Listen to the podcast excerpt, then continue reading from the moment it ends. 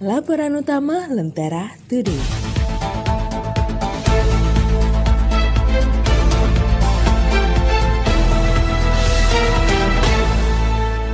Neraca perdagangan surplus triliunan, di kantong rakyat hanya recehan.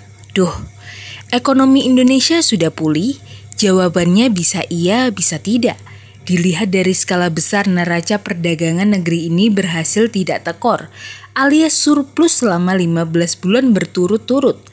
Tentu saja pencapaian luar biasa di tengah pandemi COVID artinya nilai ekspor lebih tinggi dari impor.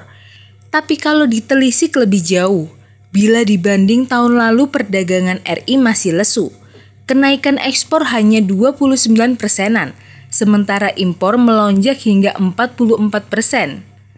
Bahkan bila dibandingkan bulan sebelumnya, bulan Juni 2021, ekspor dan impor Juli sebenarnya menurun. Masih sakitnya ekonomi juga tampak dari masyarakat yang makin dalam menginjak rem konsumsi Bahkan menurut penelitian lembaga-lembaga ekonomi, kucuran dana bantuan sosial atau bansos tak mampu menompang geliat ekonomi masyarakat.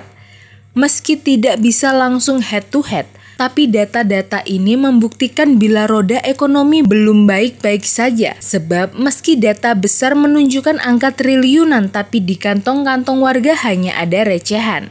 Jangan jumawa, Dapatkan juga berita menarik dan inspiratif lainnya di Hari Lentera Today edisi Kamis 19 Agustus 2021.